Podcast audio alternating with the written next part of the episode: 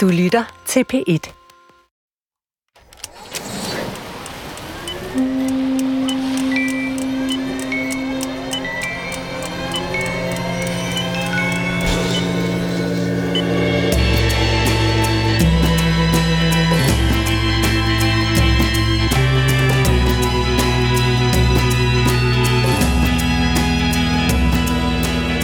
Jeg har haft en del indbrud i min lejlighed.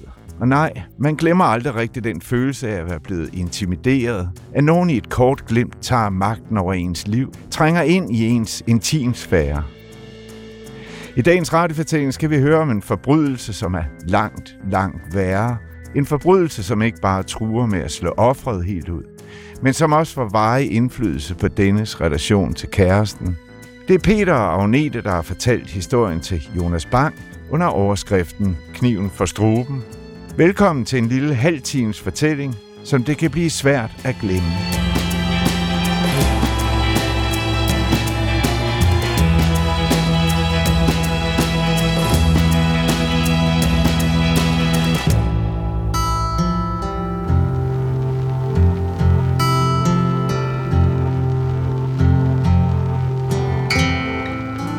Jeg øh, ligger i min seng på Krogerup Højskole. Det er helt vildt tidligt om morgenen. Øh, og jeg kan se, at min far har ringet, og jeg har kæmpe tømmermænd, så jeg ignorerer det lidt. Øh, men så på et tidspunkt, så ringer jeg alligevel tilbage til ham. Og så siger han til mig, at jeg skal sætte mig op i sengen.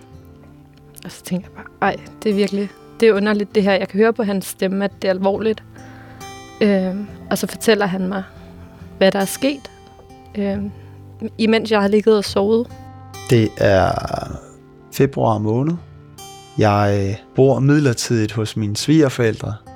Min egen andelslejlighed er i gang med at blive renoveret, og min kæreste, hun er på højskole.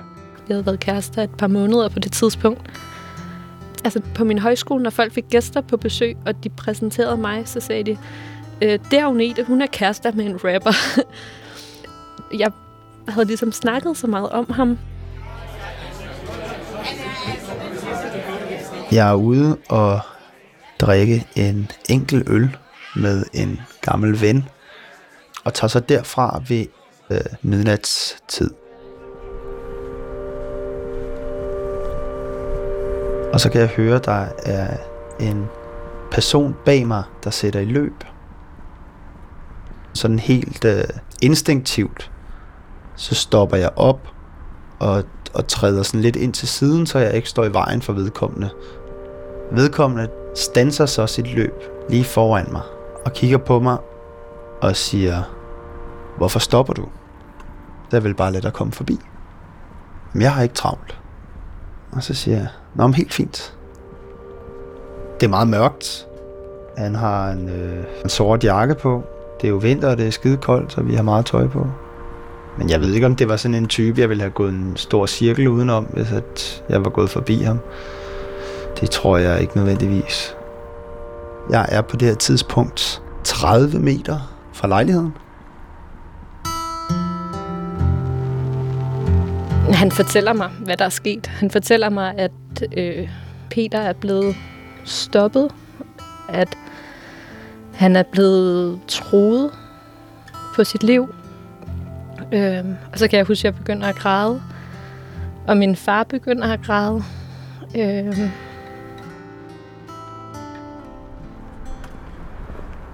Så går han ved siden af mig og spørger mig, hvad jeg har lavet i aften. Det er sådan lidt sådan en samtale, jeg måske bare gerne vil sådan væk fra. Øh, så jeg svarer sådan rimelig kortfattet på, at øh, nej, jeg har bare drukket en øl, og jeg er på vej op i lejligheden. Og så tror jeg, vi er 10 meter fra døren.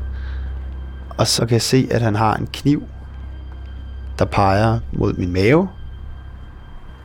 Og så siger han, at jeg skal følge med ham. Det er en meget, meget lang kniv. Der kan jeg sådan nærmest mærke, hvor langt den ligesom kan nå ind i maven på mig. Øhm, og så vil han have mig ind i sådan en øhm, baggård, skraldegård.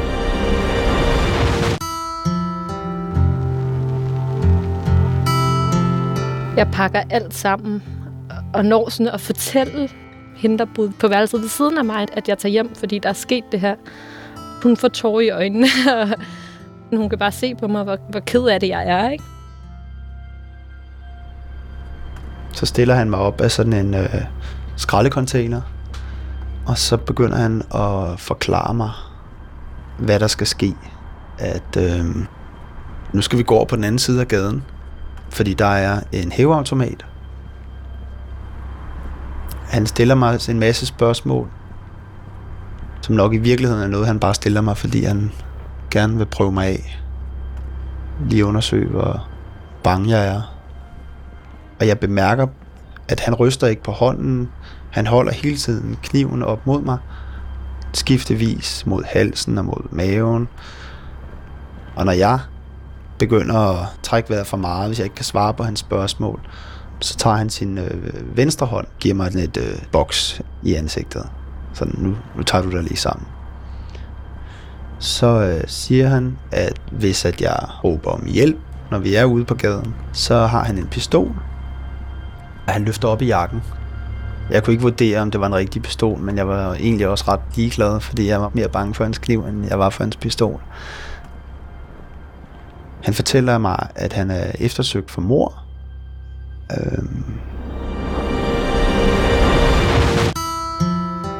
Øhm, og da jeg kommer til min forældres lejlighed, hvor Peter boede på det tidspunkt, er Peter der ikke. Peter er på politistationen, men hans rygsæk ligger på mit værelse. Øhm, og jeg ligger mig i sengen og, og tager hans rygsæk op i sengen til mig. Jeg venter på, at han kommer tilbage til lejligheden. Og jeg tænker på, hvad nu hvis han er blevet så skræmt og ked af det, at han slet ikke kan forholde sig til mig. Om han vil tage afstand, eller... Øh, ja, det føltes bare som rigtig lang tid, øh, jeg lå der. Vi går så over på den anden side af gaden, kommer øh, kortet i automaten, og jeg hæver 4.000 kroner. Så prøver jeg en gang til, men så får jeg lov til at hæve 2.000. Og øh, tredje gang, der får jeg ja, ikke lov til at hæve noget. Og så tænker jeg, at nu må det være det, nu stikker han af. Men øh, så tager han mig så længere ned ad gaden til en danske bank, der siger automaten med det samme. Den vil ikke lade mig hæve nogen penge. Og så tænker jeg, okay, så er det slut. Så nu giver han slip på mig. Nu løber han sin vej. Men øh, så tager han mig ned til Nordea, og så kommer der 2.000 kroner ud igen. Så nu er han oppe på 8.000. Og så prøver vi en gang mere, så sluger automaten mit kort. Og så bliver jeg rigtig, rigtig lettet, fordi at så tænker jeg, nu har jeg ikke noget dankort længere. Så det giver mig måske en lille smule håb.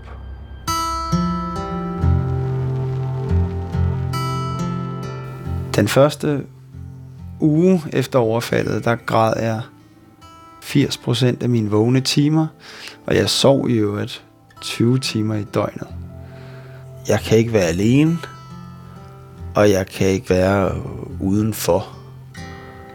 Min kæreste er kommet hjem, og hun er så hos mig hver eneste dag.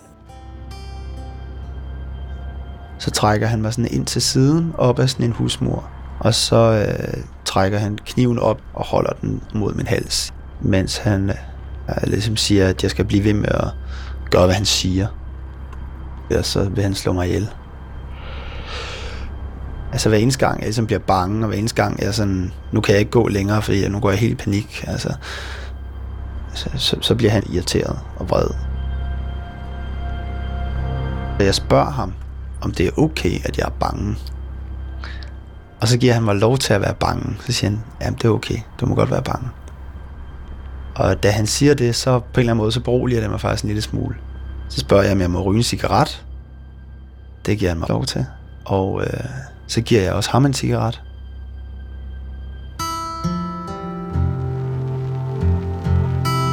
Der gik sikkert ikke mere end sådan en halv time. Og så ringer Peter og hans familie så på døren, og de kommer op ad trappen. Øhm, Så da han ser mig, så omfavner vi hinanden i sådan et meget langt kram. Øh, og så der, der tænker jeg sådan lidt, okay, så er alt andet lige meget. Så skal det nok gå, det her. Og han har ikke taget afstand til mig, og så, altså, så er der sket den her ting, men, men det betyder ikke noget, fordi at han vil stadig gerne bearbejde det her sammen med mig. Og så, altså, det bragte os tættere sammen til at starte med. Så kommer vi til en beboelseskov. Der er der et skraldeskur. Der er sådan en hestesko af skraldecontainere. Og jeg kommer til at stå med ryggen til øh, en af de her skraldespande, og han står ved indgangen. Så jeg er ligesom fanget herinde nu. Så er det, han spørger mig, hvis jeg nu slipper dig fri, hvad har du så tænkt dig at gøre? Jeg har ikke lyst til at sige, at jeg ringer til politiet. Jeg har heller ikke lyst til at sige, at jeg ikke ringer til politiet. Så jeg vælger i stedet at øh, spørge ham, hvad han gerne vil have, jeg skal gøre. Og så fortæller han mig, at hvis han slipper mig fri, så skal jeg gå hjem og sove. Så kan jeg stå op klokken 8 næste morgen og ringe til politiet. Så kan han gå ind på døgnrapporten, og så kan han se, hvornår at jeg har ringet til politiet. Og hvis han ser, at jeg har ringet før klokken 8, så vil der komme en person og banke på min dør med en pistol. Det er så nogle vilkår, jeg accepterer.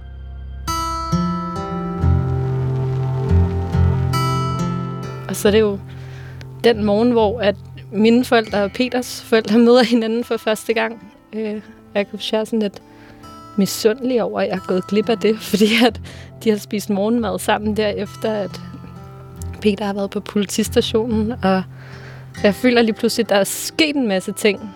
En stor begivenhed, som, som jeg er gået glip af på en eller anden måde.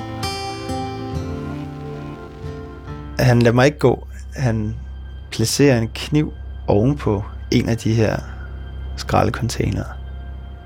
Så går han sådan en-to skridt bagud. Og så siger han til mig, at øh, nu står jeg tættere på kniven, end han gør. Så nu kan jeg gribe ud efter den. Og så overvejer jeg, om jeg skal gribe ud efter kniven. Og vi bliver stående lidt der et stykke tid. Det er den eneste gang i mit liv, at jeg prøver at have et ønske om, at alle mennesker skal dø. Og så har jeg chancen for, at det kan ske. Og alligevel så kunne jeg ikke få mig selv til at gøre det. Så beder han mig om at gå ned på knæ, og han står op foran mig. Og så begynder han at øh, diskutere med sig selv, om han skal slå mig ihjel eller ej. Han tager kniven op foran mig og kører den frem og tilbage. Siger, enig, menig, mini, mo. Så tænker jeg, jeg ved, jeg skal dø. Jeg håber bare, det bliver på den mindst smertefulde måde. Jeg håber, han skal have halsen over på mig. Fordi jeg har ikke lyst til den kniv. Den skal ende op i mavesækken. Peters overfald gjorde, at, at jeg fik rigtig svært ved at, at have mit eget liv på højskolen, fordi vi havde egentlig bare lyst til at være sammen med hinanden.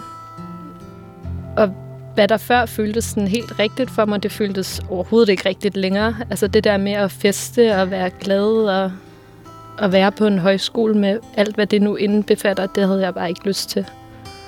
Øhm, så jeg tog hjem rigtig meget for at være sammen med Peter. Ja, det føltes bare rigtigt på det tidspunkt. Øhm. Jeg begynder at tale med ham om, at jeg kan Luk øjnene og tælle til 1000. Så kan du løbe din vej.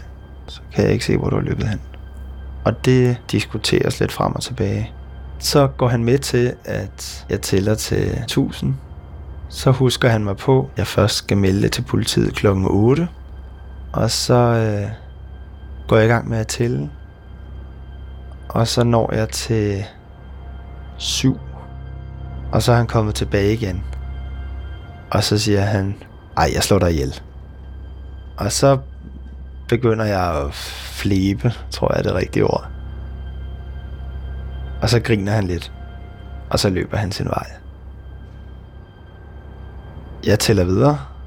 Jeg tror, jeg når til 70. Og da jeg så rejser mig op lige så langsomt og kigger ud og kan se, okay, jeg kan ikke se ham her i gården længere. Men han havde været så uterrenelig så mange gange, at øh, jeg ville ikke blive overrasket, hvis at jeg gik ud på gaden, og så stod han og ventede på mig.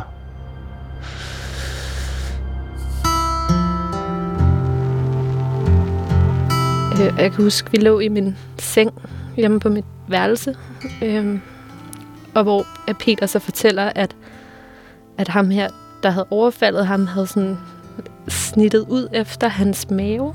Øhm, hvor at jeg bare fik sådan et billede af, at, at tænk, hvis han havde sprættet maven op på ham, at tænk, hvis han var blevet invalid, eller altså, det havde jo slet ikke været til at holde ud. Øh, og så tror jeg, at den der sådan, forstærkning af ens følelser, det er en vild oplevelse. Øh, og så vil man bare gerne have, at man har så stærke følelser hele tiden. Øh, og man hører jo også om, når folk de har været udsat for et eller andet traumatisk, så får de bare lyst til at få børn og gøre alle mulige sådan glædesfulde ting. Øhm. men, men ja, men på et tidspunkt, så bliver det jo også bare altså ikke så betydningsfuldt, som det var engang. Jeg stiller mig på midten af vejen, fordi at jeg tør ikke at være i nærheden af fortogene. Så kan han gemme sig bag en bil, eller... Og så prøver jeg at kigge bare sådan op, og så øh, kan jeg se, at bygningerne, de bevæger sig. De vælter ned mod mig. Og så står jeg der. Og der kommer en ung pige på cykel, og jeg stanser hende. Jeg tror, hun er skidefuld. Hun hikker hele tiden. Og så beder jeg hende om at følge mig hjem. Det er jo ikke så langt. Men vi stopper flere gange på vejen, fordi at jeg er får et panikanfald. Og så kommer jeg op ad trapperne. Så åbner min svigermor døren, og der står jeg og ligner en vrag. Og ved siden af mig, der står en pige, og min svigermor kigger på hende og siger, det er nok bedst, du går. Fordi hun har nok tænkt, nu kommer Peter, nu kommer Peter hjem klokken 3 om natten og ligner et vrag og har hævet en fuld pige med hjem fra byen. Men det var jo synd, fordi hun var meget hjælpsom. Og jeg bliver sådan lidt jaloux på hende her pigen, fordi at hun har ligesom fundet Peter og hjulpet ham på det her tidspunkt. Og jeg har bare været på min højskole, og jeg burde jo bare være glad for, at Peter han har fået hjælp. Øh, ja, men der kom forskellige svære følelser i spil på meget kort tid. Jeg kommer så ind i lejligheden. Min svigerfar, han kommer ud i underbukser. Jeg får bare sagt meget kort, at jeg er blevet rullet. Så jeg tager han fat i telefonen og skal til at ringe til politiet. Så råber jeg jo til ham, nej, det må du ikke gøre. Fordi jeg har lovet ham her, at jeg først ville ringe til politiet klokken 8. Så siger han, det kan du godt glemme alt om. og så går der halvandet minut, så er der fire betjente op i lejligheden. Så bliver jeg så eskorteret af politiet til politistationen på Bellahøj. Og jeg er så sindssygt bange, at når jeg skulle gå fra lejligheden og over i politibilen, så ville jeg have, at der skulle være betjente hele vejen rundt om mig. Jeg kan jo huske denne her følelse af bare gerne at ville være sammen med Peter, og ikke have lyst til særlig meget andet end det. Øh, og sådan en følelse af sådan en forbundethed. Øh, altså Peter gik ikke alene nogen steder hen, når det var blevet mørkt i en periode. Og hvis der gik nogle, nogle personer bag ved os, og det var mørkt og sådan noget, så skiftede vi måske lige over til det andet fortog. Da de er færdige med at afhøre mig, Så er der nogle betjente, der tager mig med ned i lobbyen. Og så er min, så er mine forældre nede i lobbyen. Jeg kan ikke forstå, at de er der, fordi at jeg, jeg havde ligesom planlagt, at jeg ikke skulle se dem igen. Og øh, vi går ud af lobbyen og ud på parkeringspladsen. Det er jo ved at blive lyst. Der er nogle måger, der flyver rundt. Det satte ligesom skub i en eller anden udvikling hos os, fordi at vores familier mødte hinanden, og en udvikling, der måske var kommet langsommere, kom lige pludselig meget hurtigt. Alt, hvad jeg ser, alt, hvad jeg lugter, alt, hvad jeg føler, det er så uvirkeligt, fordi jeg har troet, at jeg skulle dø, og jeg har forberedt mig så meget på det op i mit hoved, at jeg kunne slet ikke, jeg kunne slet ikke forstå, at der var nogle ting, der ligesom fortsatte. Jeg, jeg er faktisk nærmest i tvivl om, jeg egentlig er levende. Jeg kan huske, at han var ude at køre med sin mor. Han var med hende på arbejde, fordi han kunne ikke være alene. Og hans mor skulle lige snakke med en kollega, lige sende en mail. Og, og normalt så kan et voksent menneske jo sagtens forholde sig til, okay, der sker lige nogle ting. Og det kunne Peter slet ikke overskue. Han kom hjem, og jeg mødte dem nede på gaden, og Peter han var helt vred og tår i øjnene, og smækket med bildøren, og, og jeg fik sådan en, over for Peters mor, sådan en, ej, du har ikke passet godt nok på ham. Øh, altså, den her kærlighed, jeg havde til Peter, den blev jo lige pludselig omsat til et kæmpe behov for at yde omsorg over for ham. Jeg tænker meget i at have noget beskyttelse. Jeg låner en hammer fra mit arbejde, som jeg har i min øh, jakke inderlomme i en lang periode. Så selvom at jeg har fået videre politiet, at der er nogen, der er varetægtsfængslet, så er jeg stadig ikke rolig. Jeg var med i retten. Der er vildt meget nerver på. Men jeg husker det egentlig også sådan lidt underligt antiklimaks, fordi man kommer jo ind i retssalen, og så er han der, ham der har gjort det, og der er et eller andet underligt alibi-agtig fyr, som skulle forsvare ham. Og jeg har, jeg har ligesom opbygget et mytisk billede af ham. Enormt intelligent. Den måde, han var behersket på. Den måde, det hele var planlagt på. Det lyder meget underligt, men jeg havde nærmest en faglig respekt, selvom jeg aldrig nogensinde har begået røveri eller overfald, så var jeg alligevel imponeret over, hvordan han havde gennemført det her. De var jo bare nogle stakler, så bare sådan lidt usle ud. Og lige pludselig så er han jo ikke den her magtfulde person længere. Så på den måde, så, så var vores overfald, ikke? det var jeg lige ved at sige. Øhm, vores overfald var ligesom et stærkt udgangspunkt, hvor vi blev et par. Men det var også som om, at, at alle de følelser, som jeg rummede, de blev lige pludselig sådan koblet op på Peter. Eller sådan, så, altså Peter, han var ret god til stadig sådan at gøre de ting, han godt kunne lide. Altså han spillede stadig koncerter, og han lavede stadig musik. Hvor fedt det var og sådan noget. Men hvor jeg også tænker, at det er lidt underligt, at vi skal snakke så meget om, at hvor fedt det er. Øhm, jeg vil måske gerne have mere omsorg eller et eller andet, ikke? Så tror jeg bare, at altså, det er jo svært at sige, fordi jeg ved jo ikke, hvordan vores forhold havde været, hvis, vi, hvis Peter ikke var blevet overfaldet. Vi var kærester en 4-5 års tid efter det her, så det, er sådan, det har været en lang periode, det ligesom har spillet ind.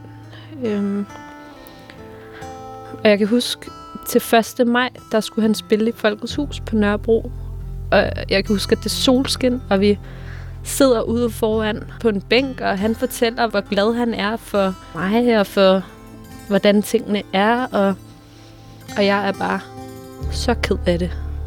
Og det giver slet ikke nogen mening, at jeg er ked af det, men jeg kan slet ikke dele den der glæde, jeg kan huske, at så kommer det sådan stille og roligt, hvor jeg bliver mere og mere øh, sådan frustreret og ked af det. Øh. Jeg har ikke længere nogen hammer i min jakke ind lommen. Den slap jeg. Jeg fik ikke brugt hammeren. og så kan man sige, jamen, har jeg lært nogle ting af det? Og sådan noget? Måske, men det, der ikke dræber dig, gør dig stærkere. Det er en stor omgang bullshit. Fordi at jeg blev det sværere.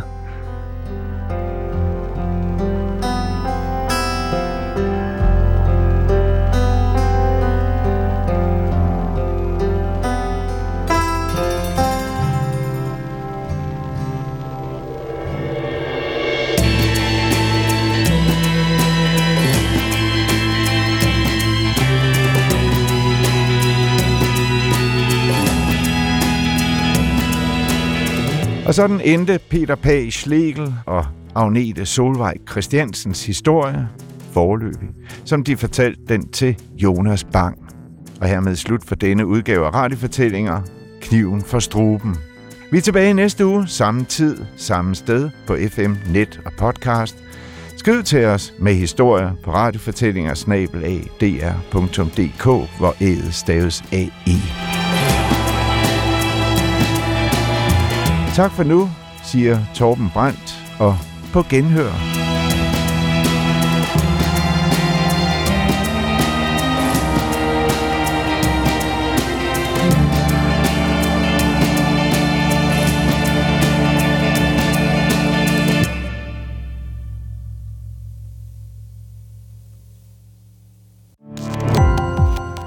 Gå på opdagelse i alle DR's podcast og radioprogrammer. I appen DR Lyd.